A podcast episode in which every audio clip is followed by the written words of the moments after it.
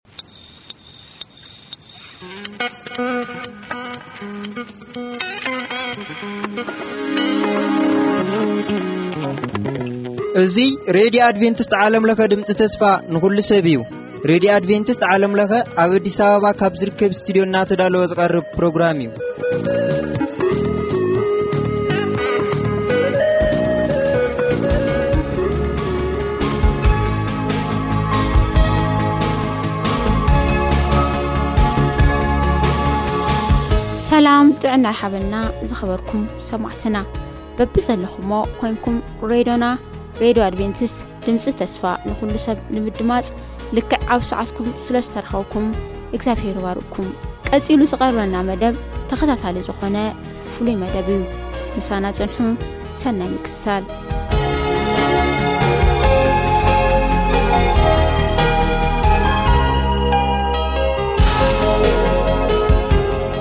ሰላም ሰላም ኣብ ቦቦትኡ ኮንኩም መደባትና እናተኸታተልኩም ዘለኹም ክቡራት ሰማዕቲ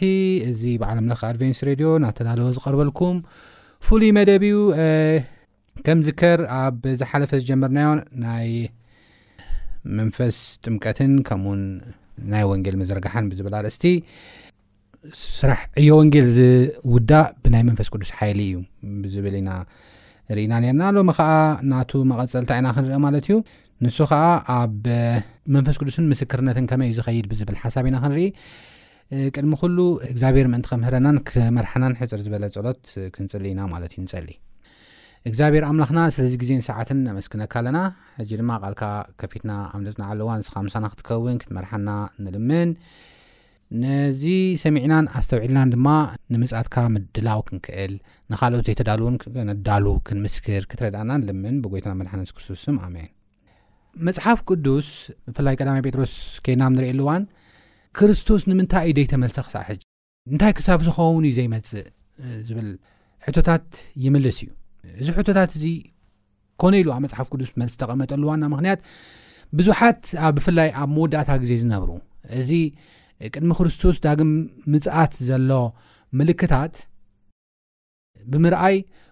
ክሳብ መዓስ እዩ ዘይመጽእ ክሳብ መዓስ እዩ ዘይፈርድ ዓመፀኛታትን ሓጢኣተኛታትን ድላዮም እናገበሩ ዓመፀኛታትን ሓጢኣተኛታትን ንሰብ እናጋፍዑ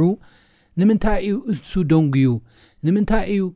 እቲ ዝሃቦ ናይ ተስፋ ቃል ዘይፍጽም እናበሉ ብዙሓት ይሓት እዮም ኣብ ዘመን ዘለዉ ኮነ ንዕኦም ወኪሎም ድማ ኣብ መፅሓፍ ቅዱስ ተጠቂሶም ዘለዉ ኣብ ራእይ ዮሃንስ ዘለዉ ሰባት እውን ክሳብ መዓስ ኢኻ ዘይትፈርድ ክሳብ መዓስ ኢኻ ዘይትመፅእ ክሳብ መዓስ ኢኻ ዘይትሰምዓና ክሳብ መዓስ ኢኻ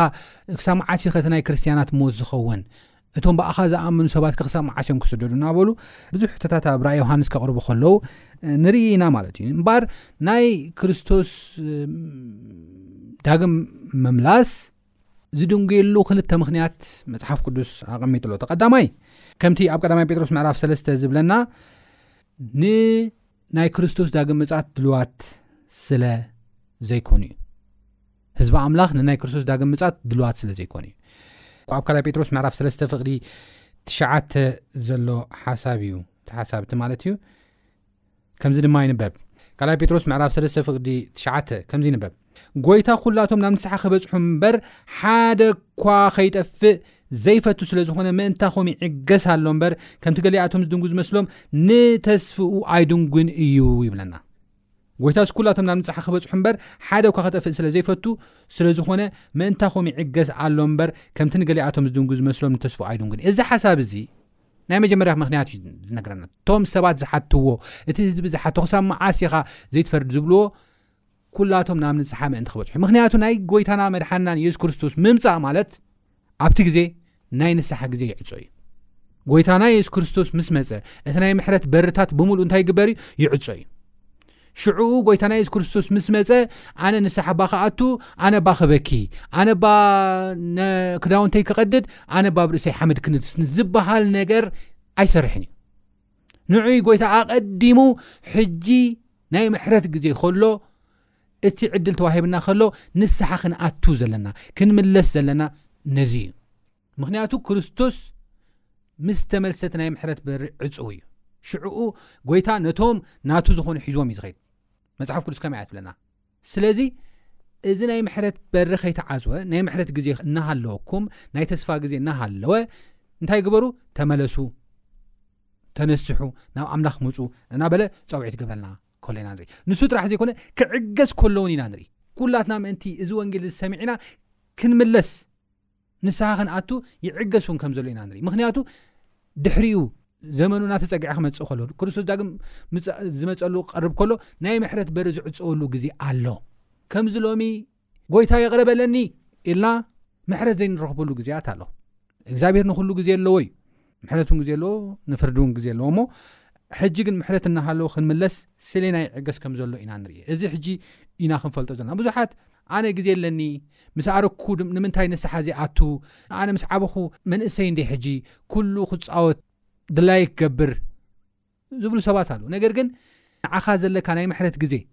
ካብ ሓጢኣት፣ ሓጢኣት ካብቲ ዘምጽኦ ናይ ዘልኣለም ሞት፣ ካብ ጥፍኣት ንኽትድሕን ዘለካ ናይ ምሕረት ግዜ ብኽልተ እዩ ዝውሰን። እቲ ቀዳማይ ክሳብ ብህይወት ዘለኻ እዩ። ሓደ ሰብ ድሕሪ ምማቱ ንስሓ ክኣቱ ይክእል ክምለስ ኣይክእል። ንሱ ጥራሕ ዘይኮነ ንስሓ ክኣቱን ክምለስን ዘይክእልሲ ካልኦት እውን ጸልዮም ከድሕንዎ ኣይክእሉን እዮም ሓደ ሰብ ምስ ሞተ። ስለዚ ንሓደ ሰብ ዘለዎ ናይ ንስሓ ግዜ ናብ ኣምላኽ ናይ ምምላስ ግዜ ብሂወት ክሳብ ዘሎ ጥራሕ እዩ እታ ናይ ምሕረት ግዜኡ ብሂወት ክሳብ ዘሎ እዩ ስለዚ ብሂወት ክሳብ ዘሎ እንታይ ክገብር ክኽእል ኣሎ ናብ እግዚኣብሄር ክቕርብ ኣለ ኣብ ቅድሚ እግዚኣብሄር ንስሓ ክኣት ክኽእል ኣሎ ናብ እግዚኣብሄር ክምለስ ኣለዎ ቃሉ ድማ ብቓሉ ድማ ኺመላለስ ኣሎ። መጽሓፍ ቅዱስ ድማ ብዛዕባ ህይወት እተተሓሓዘ እንታይ እዩ ዚብለና? መዓስ ከም ንኸይድ፣ መዓስ ከም ንመውት ኣይንፈልጥን እና እሞ ዅሉ ግዜ እንታይ ንኹን? እተዳሎና ንኹን ኢሉ መጽሓፍ ቅዱስ ይዛረበና። ስለዚ ኵሉ ግዜ እተዳሎና ኰይንና ምስ ኣምላኽ ኣካይዳና ኣቕኒዕና ክንከይድ ይግብኣና እዩ ማለት እዩ። ንዕይ መጽሓፍ ቅዱስ ብተደጋጋሚ ናይ ምድሓን መዓልቲ ሎሚ እያ ወይ ድማ ሕጂ እያ ይብለና። ናይ ምድሓን መዓልቲ ሕጂ እያ፣ ጽባሕ ኣይኰነትን። ምክንያቱ ጽባሕ ክትመወት ትክእል ኢካ ድሕሪ ሞት ድማ ንስሓ ዝበሃል የለን ሰብ ውን ብሂወት ዘለዎ እንተጸለየልካ ብፍጹም ክትድሕን ኣይትክእልን ኢካ እዚ መጽሓፍ ቅዱሳዊ ሓቂ እዩ ካልኣይ ከኣ እቲ ናይ ንስሓ በሪ ዝዕጸወሉ ዋና ምክንያት ከኣ ከይና ንርእየሉ ዋን ክርስቶስ ዳግም ክምለስ ከሎ ናይ ምሕረት በሪ ይዕጾ እዩ እቲ ናይ ምሕረት ማዕጾ እቲ ናይ ምሕረት ደገ ይዕጾ እዩ ደሓር ክርስቶስ ምስ መጸ ናይ ምሕረት በሪ የለን። ብኽያትን ምሕርቃም ኣስናንን እኳ ተሃሎ፣ ሓመድ ምንስናስ እኳ ተሃለወ ምሕረት ግን ክትረክብ ኣይትኽእልን ኢኻ። ኦሬዲ እቲ ናይ ምሕረት በሪ ተዓጽዩ እዩ፣ እቲ ናይ ምሕረት መንገዲ ተዓጽዩ እዩ። ስለዚ በዘን ክልተ ነገራት ተታሒዝና ቀዲምና ምእንቲ ምሕረት ክንረክብ ቀዲምና ምእንቲ ክንምለስ ጎይታ ስለና ይዕገስ ከም ዘሎ ስለዚ ናይ ጎይታናን መድሓናን የሱስ ክርስቶስ ትዕግስቲ ዘይምምፅኡ ዘይምምላሱ ንዓና ከም ዝኾነ እዩ ዝነግረና ማለት እዩ ካብዚ ብተወሳኺ እቲ ወንጌል ንዓለም ክስበኽ ስለ ዘለዎ እዩ። ኣብ ዝሓለፈ ናይ ቃል ግዜና እዚ ርኢናዮ ኔርና ኢና። ወንጌል ንዓለም ክስበኽ ክኽእል ኣለዎ። ኣብ ማቴዎስ ምዕራፍ ዕስራን ኣርባዕተን ፍቕዲ ዓሰርተ ኣርባዕተ ርኢና ኔርና ኢና። ወንጌል ንዓለም ክስበኽ እዩ፣ ድሓር መወዳእታ ክመጽእ እዩ ዝብለና። ስለዚ ወንጌል ናብ ዓለም ከምቲ ዝግበኦ ኣብ ሕድሕድ ኣእዛን ሰብ ስለ ዘይኣተወ፣ በዚ መልክዕ እዚ ድማ ናይ ጎይታና ትዕግስቲ ከም ዘሎ ክሳዕ ሕጂ ከም ዘይመፀ እዩ ዘረድኣና ማለት እዩ እምበር በቲ ምልክታት ኬድና ንሪእየሉ ዋንቲ ምልክታት ኣብ ማቴዎስ ምዕራፍ 24 ከምኡውን ኣብ ሉቃስ ምዕራፍ 2ራ ሓደን ተፃሒፉ ዘሎ ብዛዕባ ናይ መወዳእታ ግዜ ምልክታት ብምሉ እናተፈፀመ ከም ዘሎ መፅሓፍ ቅዱስ ዘርእየና ሓሳብ እዩ ማለት እዩ እምበር ክርስቶስ ዳግም ቅድሚ ምምፅኡ ወንጌል ሓያል ናይ ወንጌል ስብከት ከም ዝህሉ መፅሓፍ ቅዱስ ይዛረበና እዚ ወንጌል እዚ ድማ ብፍላይ ምስ ናይ መወዳእታ ግዜ ተታሒዙ እዋናዊ መልእኽቲ ተባሂሉ ኣብ ራኢ ምዕራፍ ዓሰርተ ኣርባዕተ ካብ ሽዱሽተ ክሳብ ዓሰርተ ኣርባዕተ ዘሎ ሓሳብ ተጠቒሱ ከም ዘሎ ኢና ንርኢ ማለት እዩ። እዚ ኣብ ራኢ ምዕራፍ ዓሰርተ ኣርባዕተ ፍቕዲ ሽዱሽተ ክሳብ ዓሰርተ ኣርባዕተ ተጠቒሱ ዘሎ ወንጌል እዩ።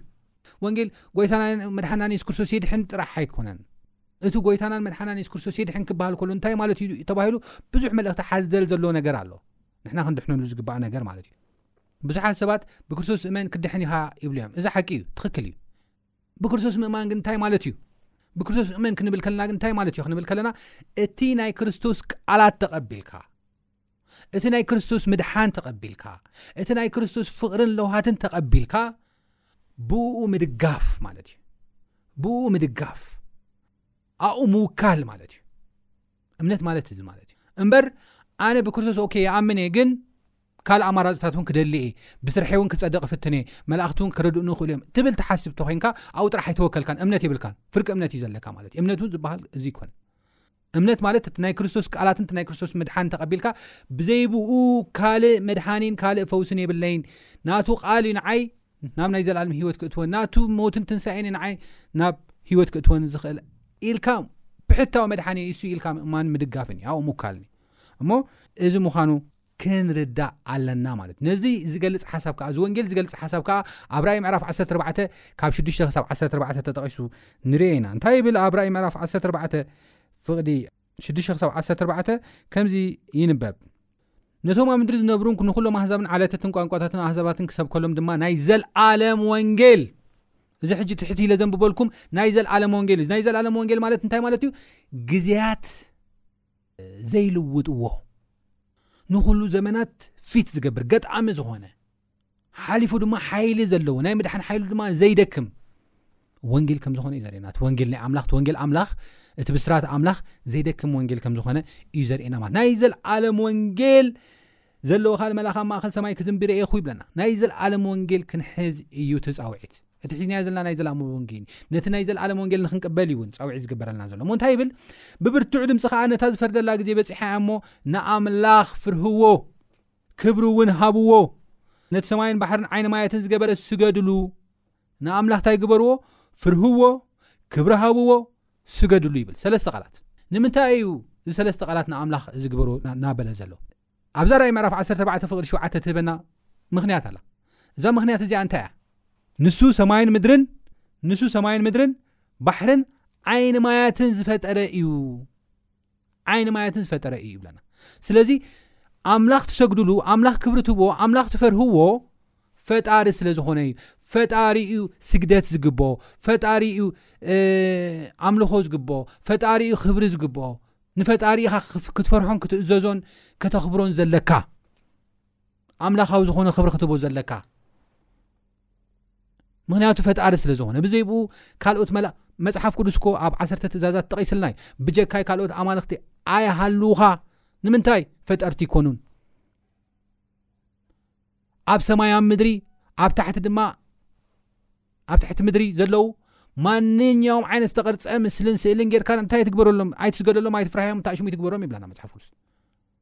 ንምንታይ ፈጠርቲ ኣይኮን ንሶም ኣምላኽ እዩ ፈጣሪ ካብ ዘይነበረ ናብ ንቡር ዘምፀ ኣምላኽ እዩ ንዕኡ እዩ ስግደት ዝግብ ንዕኡ እዩ ክብሪ ዝግብ ናቱ ትእዛዝ ና ክንሕሉ ዝግባኣና ንናትና ምድሓን ዝሰርሐ ኣምላኽ እዩ ንዑ ኢና ክብሪ ክንህቦ ዘለና ናቱ ቃል እዩ ደው ከብለና ዝኽእል ንዕኡ ስገድሉ እዩ ዝብል እቲ ናይ መጀመርያ መልእኽቲ ናይ ዘላለም ወንጌል መልእኽቲ ንዕኡ ስገድሉ ንመልኣኽታት ኣይኮነን ሕጂ ሓደ ሓደ ንመልእኽታት ክንሰግደሎም ኢና ምክንያቱ ንመልእኽታት ናይ መልእኽቲ ስግዲ ኣሎ ናይ ንቅዱሳን ከዓ ናይ ቅዱሳን ስግደት ኣሎ ናይ ንኣምላኽ ከዓ ንኣምላኽ ዝውሃብ ስግደት ኣሎ ኢሎም ስግደት ኣብ ሰለስተ ብርባዕተ ይኸፍልዎ እዮም መፅሓፍ ቅዱስ ስግደት ኣብ ኣርባዕተ ብሓሙሽተ ከፍሉ ኣይንርእን ኢና ኣምልኾ ዝግብኦ ስግደት ዝግብኦ ክብሪ ክወሃብ ዝግብኦ ክልመን ዘለዎ እግዛብሄር እግዛብሄር ጥራሕዩ ንሱ ፈጣሪ ስለ ዝኾነ ንሱ ኩሉ ክገብር ዝኽእል ኣምላኽ ስለ ዝኾነ ካብ ዘይነበረ ናብ ዝነበረ ዘምፀ ኣምላኽ ንሱ ስለ ዝኾነ ክንሰግደሉ ይግባእ እዩ ክብሪ ክንቦ ይግባእ እዩ ክንፈርሆ ትእዛዙ ክንሕሉ ይግባእ እዩ ናይ መጀመርያ ናይ ዘለዓለም ወንጌል መልእኽቲ እዚ እዩ ቀፂሉ ኣብ ራይ መራፍ 14 ፍቕዲ 8 ኸ እቲ ካልይ መላእክ ድማ እታ ካብ ወይኒ ቁጣዓ ኣምንዝርና ንኩሎም ኣህዛብ ዘስተየት ዓባይ ባቢሎን ወዲቓ ወዲቓ ወዲቓ ይብለና ምስዚ ታሒዙ ራይ መራፍ 18 ፍቕዲ 4 ከድና ንሪእየለዎ ድማ ባቢሎን ስለ ዝወደቐት ባቢሎን ስለ ዝጠፍአት ፍርዳ ስለ ዝበፅሐ ካብቲ ናታ ቁጥዓ ንዓ ዝወርዳ ቁጥዓ ንስክትኩም ድማ ተካፈልቲ ከይትኾኑ ካብኣ ውፁ ይብለና ባቢሎን መን እያ ባቢሎን ማለት መፅሓፍ ቅዱስ ክዛረበና ከሎ ናይ ሰለስተ ጥምር ሓይልታት ውፅኢት እያ ይብለና እዚ ምናልባት ኣብ ዝቕፅል ፕሮግራምና ብደንቢ ጌርና ኣስፊሕና ክንርኢ ኢና ብዛዕባ ባቢሎን ናይ ሰለስተ ጥምርቲ ሓይልታት ውህድያ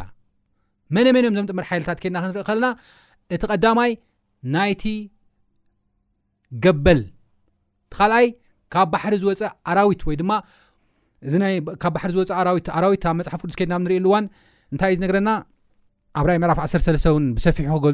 ዝገለፁ ሓሳብ እዩ ኣብራይ ምዕራፍ 14 ዝብሎ ዘሎ እቲ ካብ ባሕሪ ዝወፀ ኣራዊት ድማ እንታይ እዩ ዘመልክተና ኣብ ዓለም ዘለው ፖለቲካ ናይ ፖለቲካ ስልጣን ዘለዎም ሰባት እዮም። እዚኦም መጋበርያ እንታይ እዮም? ናይቲ ናይ ሰይጣን ወይ ድማ ናይቲ ገበል ስራሕ ኣፈፀምቲ እዮም እዩ ዝብለና መፅሓፍ ቅዱስ። ስለዚ ኣብ ፖለቲካዊ ዘለዉ ስልጣናት ማለት እዩ። ካብዚ ብተወሳኺ ድማ እዚ ብሰፊሑ ክንረአና ኣለኹ ካብ ምድሪ ዝወፀ ኣራዊት ዝብሎ ነገር ኣሎ። ካብ ምድሪ ዝወፀ ኣራዊት ድማ እንታይ እዩ ዘመላኽት? ሓሳዊ ነቢያት፣ ሓሰውቲ ነቢያት ማለት እዩ። ወይ ድማ ካብ መፅሓፍ ቅዱስ ዝወፁ ናይ ሃይማኖት መልክዕ ዘለዎም ሓሰውቲ ነብያት ሓሰውቲ ተዛረብቲ ሓሰውቲ መምሃራን ዝውክል እዩ ማለት እዩ ስለዚ ናይዞም ሰለስትኦም ጥምር ንዓለም ወይ ድማ ነቶም ህዝቢ ኣምላኽ ዘሳድዱን ካብኡ ብተወሳኺ ድማ ንዓለም ድማ እናስሓቱ ዘለውን እዮም ኮላብሬት ምዃን ብምትሕብባር ንዓለም ኣበይ ዘእተውዋ እዮም ኣብ ኮንፊውዥን ኣብ ድንግርግር ኣብ ሽግር ዘእተውዋ እዮም ማለት እዩ ንህዝቢ ኣምላኽ ድማ ዘሰድዱ ዘለዉ ሰባት ግን እናሰደዱ ኣይነብሩን እዮም ይብለና ራእይ መራፍ 1718 ኬድና ንሪኦ ኣለዋን ባቢሎን እና ንህዝቢ ኣምላኽ እናሳደደት ኣይትነብርን እያ እናሳደደት ኣይትነብርን እያ ስለዚ እናሳደደት ስለ ዘይትነብር ፍርዳ ክትዋብ እዩ ፍርዳ እውን ቀረባ እዩ ፍርዳ ቀረባ ስለ ዝኾነ ህዝቢ ኣምላኽ ኣብኡ ተሓዊስኩም ዘለኹም ምስ ባቢሎን ዘለኹም ምስ ናይ ባቢሎን ሓሳብ ተሰማሚዕኹም ትኸዱ ዘለኹም ህዝቢ ኣምላኽ ተሃሊኹም ወይ ድማ ከይፈለጥኩም ኣብ ባቢሎን ምስቲ ባቢሎን ዘቕረበቶ ናይ ሓሶት ትምህርቲ ኣምላኻዊ ዘይኮነ ካብ መፅሓፍ ቅዱሳዊ ወፃእ ዝኾነ ትምህርቲ ተሸሚምኩም ዘለኹም ሰባት ብምሉእ እንታይ ግበሩ ካብኣ ውፁ ምክንያቱ እግዚኣብሄር ክፈርዳ እዩ እግዚኣብሔር ናይ እግዚኣብሔር ቁጣዓ ኣብኣ ክወርድ እዩ ስለዚ ካብ ቁጣዓ ተካፈልቲ ከይትኾኑ እንታይ ግበሩ ካብኣ ውፁ ይብለና መፅሓፍ ቅዱስ እዚ እቲ ፃውዒት እቲ ካልኣይ መልኣኽ ዘቕርቦ ዘሎ ሳልሳይ ድማ ዘቕርቦ ዘሎ ብብርቱዕ ድምፂ ድማ ከምዚ እናበለ ሓደ እኳ ናይ ኣራዊትን ዝምስልን ዝሰገደ ኣብ ግንባሩ ወይ ኣብ ኢዱ ማሕተም እንተተቐበለ ንሱ ድማ ካብቲ ፅዋ ቁጥዑ ብዘይምሕዋስ እተቐድሐ ወይኒ መዓት ኣምላኽ ክሰቲ እዩ ኣብ ቅድሚ ቅዱሳን መላእኽትን ኣብ ቅድሚ ገንሸልን ከዓ ብሓውን ብዲንን ክሳቐ እዩ ይብለና እዚ እንታይ ማለት እዩ እዚ ክነግረና ከሎ መፅሓፍ ቅዱስ እቲ ካብ ምድሪ ዝወፅእ ኣራዊት ወይ ድማ እቲ ሓሳዊ ነቢ ንብሎ ዘለና ወይ ድማ ሓሰውቲ መምሃራን ኣብ መፅሓፍ ቅዱስ ዘለዉ ምስቶም ኣብዚ ምድሪ ዘለዉ ናይ ፖለቲካ ስልጣናት መራሕቲ ብምትሕብባር ምስ ትገበር ወይ ድማ ምስ ሰይጣን ብምትሕብባር ንሰብ ናብ ሓሶት መንገዲ እናመርሑ ዘለዉ ንህዝቢ ኣምላኽ ድማ እናሳደዱ ዘለዉ ሰባት እንታይ ኣለዎም ምስሊ ኣለዎም ምልክት ኣለዎም እዩ ዝብለና ምልክት ኣለዎም እንታይ ዓይነት ምልክት እዩ እቲ ምልክት ከ ንምንታይ ምልክት ገይሮምሉ ናይዚ ባቢሎን ዋና ዕላማ ልክዕ ናይ ሰይጣን ዕላማ እዩ ዘለዎም ናይ ሰይጣን ዕላማ እንታይ እዩ ክንብል ከልና ኣብ ኢሳያስ ምዕራፍ 14 ከምኡውን ኣብ ህዝቅኤል ምዕራፍ 28 ኬድና ክንርኢ ከለና ሰይጣን ካብ ሰማይ ዝተደርበየሉ ዋና መንገዲ ኣነ ውን ክስገደለይ ይግባእ እዩ ኢሉ ብምዝራቡ እዩ ንልዑል ክመስል እየ፣ ነቲ ዝፈጠረኒ ኣምላኽ ክመስል እየ፣ መላእኽታት ንዓይ ክስግዱለይ ይግብኦም እዩ ኢሉ ስለ ዝተዛረበ እዩ። ንሱ ጥራሕ ግን ኣይበለን። እዚ ጥራሕ ግን ኣይኮነን እቲ ሓሳቡ። እዚ ሓሳብ እዚ ከም ሓሳብ ጥራሕ ኣይኮነን ኣቕሪቡ። ነገር ግን እቲ ዝነበሮ ሓሳብ ነቲ ኣምላኽ ነቲ ፈጣሪ ስግደት ዝግብኦ ኣምላኽ ንዕኡ ኣወጊዱ ንዕኡ ቀቲሉ ንሱ ኣብ ስልጣን ኮፍ ምባል ምድላይ እዩ እቲ ዓቢ ሽግር ነይሩ። ንክርስቶስ ኣወጊዱ ንሱ ከም ፈጣሪ ተቐሚጡ ክስገደሉን ክምለኽን ብምድላይ እዩ ነይሩ እቲ ዓቢ ነገር ማለት እዩ ድሌት ኮይኑ ጥራሕ ግን ኣይተረፈን ፈቲኑ እዩ ፈቲኑ እዩ ሲሶ ናይ ሰማይ መላእኽቲ ኣተሓባቢሩ ወይ ድማ ኣስሒቱ ኣብ ኣምላኽ ውግእ ክኸፍቱ ገይርዎም እዩ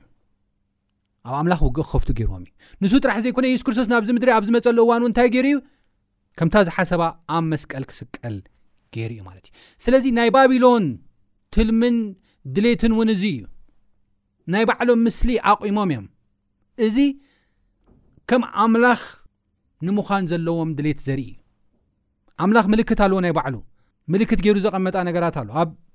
ዘፃኣት ምዕራፍ 31 ኬድና ክንረእ ንኽእል ኢና ኣነ ኣምላኽ ምዃነይ ቀዳሲኹም ምዃነይ ፈጣሪ ምዃነይ መድሃኒኹም ምዃነይ ኢሉ ዘቐመጣ ምስሊ ኣላ ሽሙ ዝሓዘት ስልጣኑ ዝሓዘት እቲ ግዝኣቱ ድማ ዝሓዘት ሓንቲ ምልክት ኣላ እግዚኣብሄር ዘቐመጣ ንሳ ድማ እንታይ እያ መዓልቲ ሰንበት እያ መዓልቲ ሰንበት ቀዳም ማለት እዩ ሸውዓይቲ መዓልቲ ቀዳም ናይ እግዚኣብሄር ፈጣሪነት ተርኢ እያ ዘዛት ምዕራፍ 2ስራ ፍቅዲ 8 ክሳብ 1 ሓደ ከድና ንሪኢ ኣለዋን ናይ እግዚኣብሄር ምድሓን ተርእያ ዘዳግ ምዕራፍ ሓ ፍቅዲ 12 ናይ እግዚኣብሄር ቀዳሲና ምዃኑ ተርእያ ዘዛት ምዕራፍ 3ሓ ከምኡውን ካልእ ተርእያ ህዝቅኤል ምዕራፍ 2ስራ ውን ከድና ንሪኢ ኣለዋ ስለዚ እዚ ምልክት እዚ ስለ ዘቐመጠ እግዚኣብሄር ንሶም ድማ ናይ ኣምላኽ ቦታ ክወስዱ እታ ባቢሎን እውን ናይ ኣምላኽ ቦታ ክትወስድ ክስገደላ ኣምላኽ ክትከውን ካብ ዘለዋ ድሌት ተቃራኒ ናይ ኣምላኽ ስለ ዝኾነት ምልክት ኣቐሚጣ እያ እዛ ምልክት እዚኣ ከዓ እሁድ ወይ ድማ ቀዳመይቲ መዓልቲ ሰሙን ማለት እዩ ብዙሕ ነገራቶም እንታይ እያ ተመልክት ስለዚ መጽሓፍ ቅዱስ ኣብ ራእይ ምዕራፍ 14 ፍቕዲ ትሽዓተ ዘሎ ሓሳብ እንታይ እዩ ዘርእየና ማለት እዩ ብፍጹም እዚ ምልክት እዚ ምስሉ ከይትቕበሉ እግዚኣብሔር ዝቐደሶ ሸውዓይ መዓልቲ ቀዳም ከሎ ካልእ ግን ምልክት ከይተቕበሉ እናበለ ዝዛረቦ ሓሳብ ኣሎ ማለት እዩ እዚ እቲ ቀዳማይ መልእኽቲ ማለት እዩ ስለዚ ኣብዚ ክንሪኦ ዘለና ሓሳብ እንታይ እዩ ኣብዚ ክንሪኦ ዝተደለየ ሓሳብ እንታይ እዩ ክንብል ከለና እዚ ወንጌል እዚ ኣብ መወዳእታ ዘመን ክርስቶስ ቅድሚ ምምጽኡ ዝስበኽ እዩ። ሕጂ እውን እናተሰብከ ዘሎ ሓሳብ እዩ። ማንም ሰብ ክሰምዖ ዘለዎ ሓሳብ እዩ ማለት እዩ። እሞ እዚ ወንጌል እዚ ክንሰምዕ ንኻልኦት እውን ከነካፍል ይግብኣና እዩ። ኣብ ማቴዎስ ምዕራፍ 24 ኬድና ንርእየሉ እዋን ናይ ክርስቶስ ዳግም ምጽኣት ምስ ናይ ኖህ ዘመን ዳግም ምጽኣት ኣተሓሒዙ ክዛረብ ከሎ ንርኢ። እዚ ናይ ኖህ ዳግም ምጽኣት ኬድና ንርእየሉ እዋን ብዙሓት እዚ ወንጌል እዚ ክዝረቦም ከሎ ናይ ምድሓን ኣምላኽ ክዝረቦም ከሎ ብፍጹም እንታይ ይገበርዎን ነይሮም ኣይተቐበልዎን ኣይተቐበልዎን ኖ ን1 20 ዓመት መርከብ ክሰርሕ ከሎ ድሕሪኡ እውን ድሕሪ 120 ዓመት መፂኦም እንስሳት ናብታ መርከብ ክኣትዉ ከልዎ ከም ፍቓድ ኣምላኽ እዚ ኩሉ እናተዘርበ ንሶም ግን እንታይ ኢሎም ነይሮም ዋ ዘኒቡ ይፈልጥን እዩ ከመይ ገይሩ ዝናብ ክመፅእ ኢሉ ዩ ሓሲቡ እዩ መርከብ ዝሰርሑ ዘሎ እንታይ ማለት እዩ ኢሎም ጭራሽ የባጭውሉ እዮም ነይሮም ስኢልካ ኢኻ ትደክም ዘለኻ ምንም ደመና የለን ምንም ተኣሽሙ የለን እናበሉ 120 ዓመት እናሰበኸ የባጭውሉ እዮም ነሮም ጭራሽ ኣሽንኳይ ክቕበሎስ የባጭውሉ እዮም ነሮም ድሕሪ ግን እግዚኣብሔር ኣብታ ምድብቲ ግዜ እዩ መሳኹቲ ሰማይ ተኸፍተ ይብለና መሳኹቲ ሰማይ ተኸፍተ ዘፍጥረት ምዕራፍ ሽዱሽተ ክሳብ ትሽዓተ ዘሎ ሓሳብ ተንብቦ ኢኹም እዚ ብምሉእ ናይ ኖህ ታሪክ መሳኹቲ ሰማይ ተኸፍተ ናይ ምድሪ መሳኹቲ እውን ካብ ታሕቲ እውን ማይ ካብ ላዕሊ እውን ማይ ድሓር ንኣርባዓ መዓልትን ኣርባዓ ለይትን ብዘይ ምቁራፅ ዘኒቡ ንኹሎም ከም ዘጥፎ ኢና ንርኢ ማለት እዩ ስለዚ ንሕና እውን ክንዘናጋዕ የብልናን እዚ መልእኽቲ እዚ ሓቂ እዩ ቃል ኣምላኽ ሓቂ እዩ ከምቲ ናይ ኖህ ግዜ ብዙሓት ተዘናግዑ ንሕና እውን ክንዘናጋዕ ሸለል ክንብል የብልናን ነገራት ኩሉ ብዕቱብ ክንከታተሎ ከነንብብ ናብ ኣምላኽ ክንምለስ ብትሕትና ድማ ኣብ ቅድሚ ኣምላኽ ክንመላለስ ይግባኣና እዩ። እሞ እዚ ክንገብር እምበኣር እግዚኣብሔር ጸግኡ ያብዝሓልና እናበልና ንኻልኦት እውን ክንምስክር ከም ኖህ ኮይና ናይ መንፈስ ቅዱስ ሓይልና ክንምስክር እግዚኣብሔር ጸግኡ የብዝሓልና ኣብ ዝቕጽል ብኻልእ ክሳብ ንራኸብ እናበልኩ ዘለኩም ሕቶ ወይ ርእቶ በቲ ልሙድ ኣድራሻና ክትልኹልና እላቦ ክሳብ ዝቕጽል ሰላም ኩኑ ይባርኩም ሓይለይ ጉልበተይ ድኹም ምዃነይ ፈሊጠየ ሓይለይ